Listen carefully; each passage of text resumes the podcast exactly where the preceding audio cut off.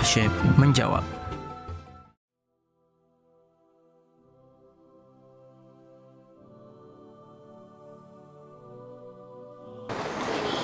Assalamualaikum warahmatullahi wabarakatuh. Kalau kita berhutang kepada seseorang yang kita lupa siapa orangnya, ini bagaimana cara bayarnya Pak Ustadz? Kamu hutang duit satu juta, tapi lupa orangnya mana ya? Lupa. Kalau memang kamu lupa, sepanjang kamu lupa, infakkan duit itu satu juta, diniatkan untuk kamu pernah hutang kepada orang yang kamu lupa itu. Ya kan?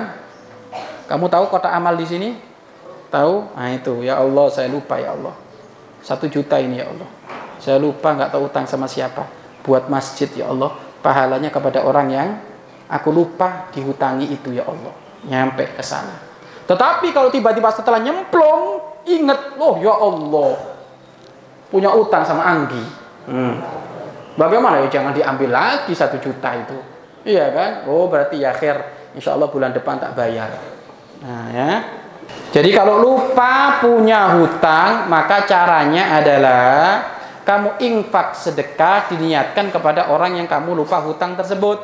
Tetapi kalau ingat segera tiba dibayar. Wallahu a'lam bishawab.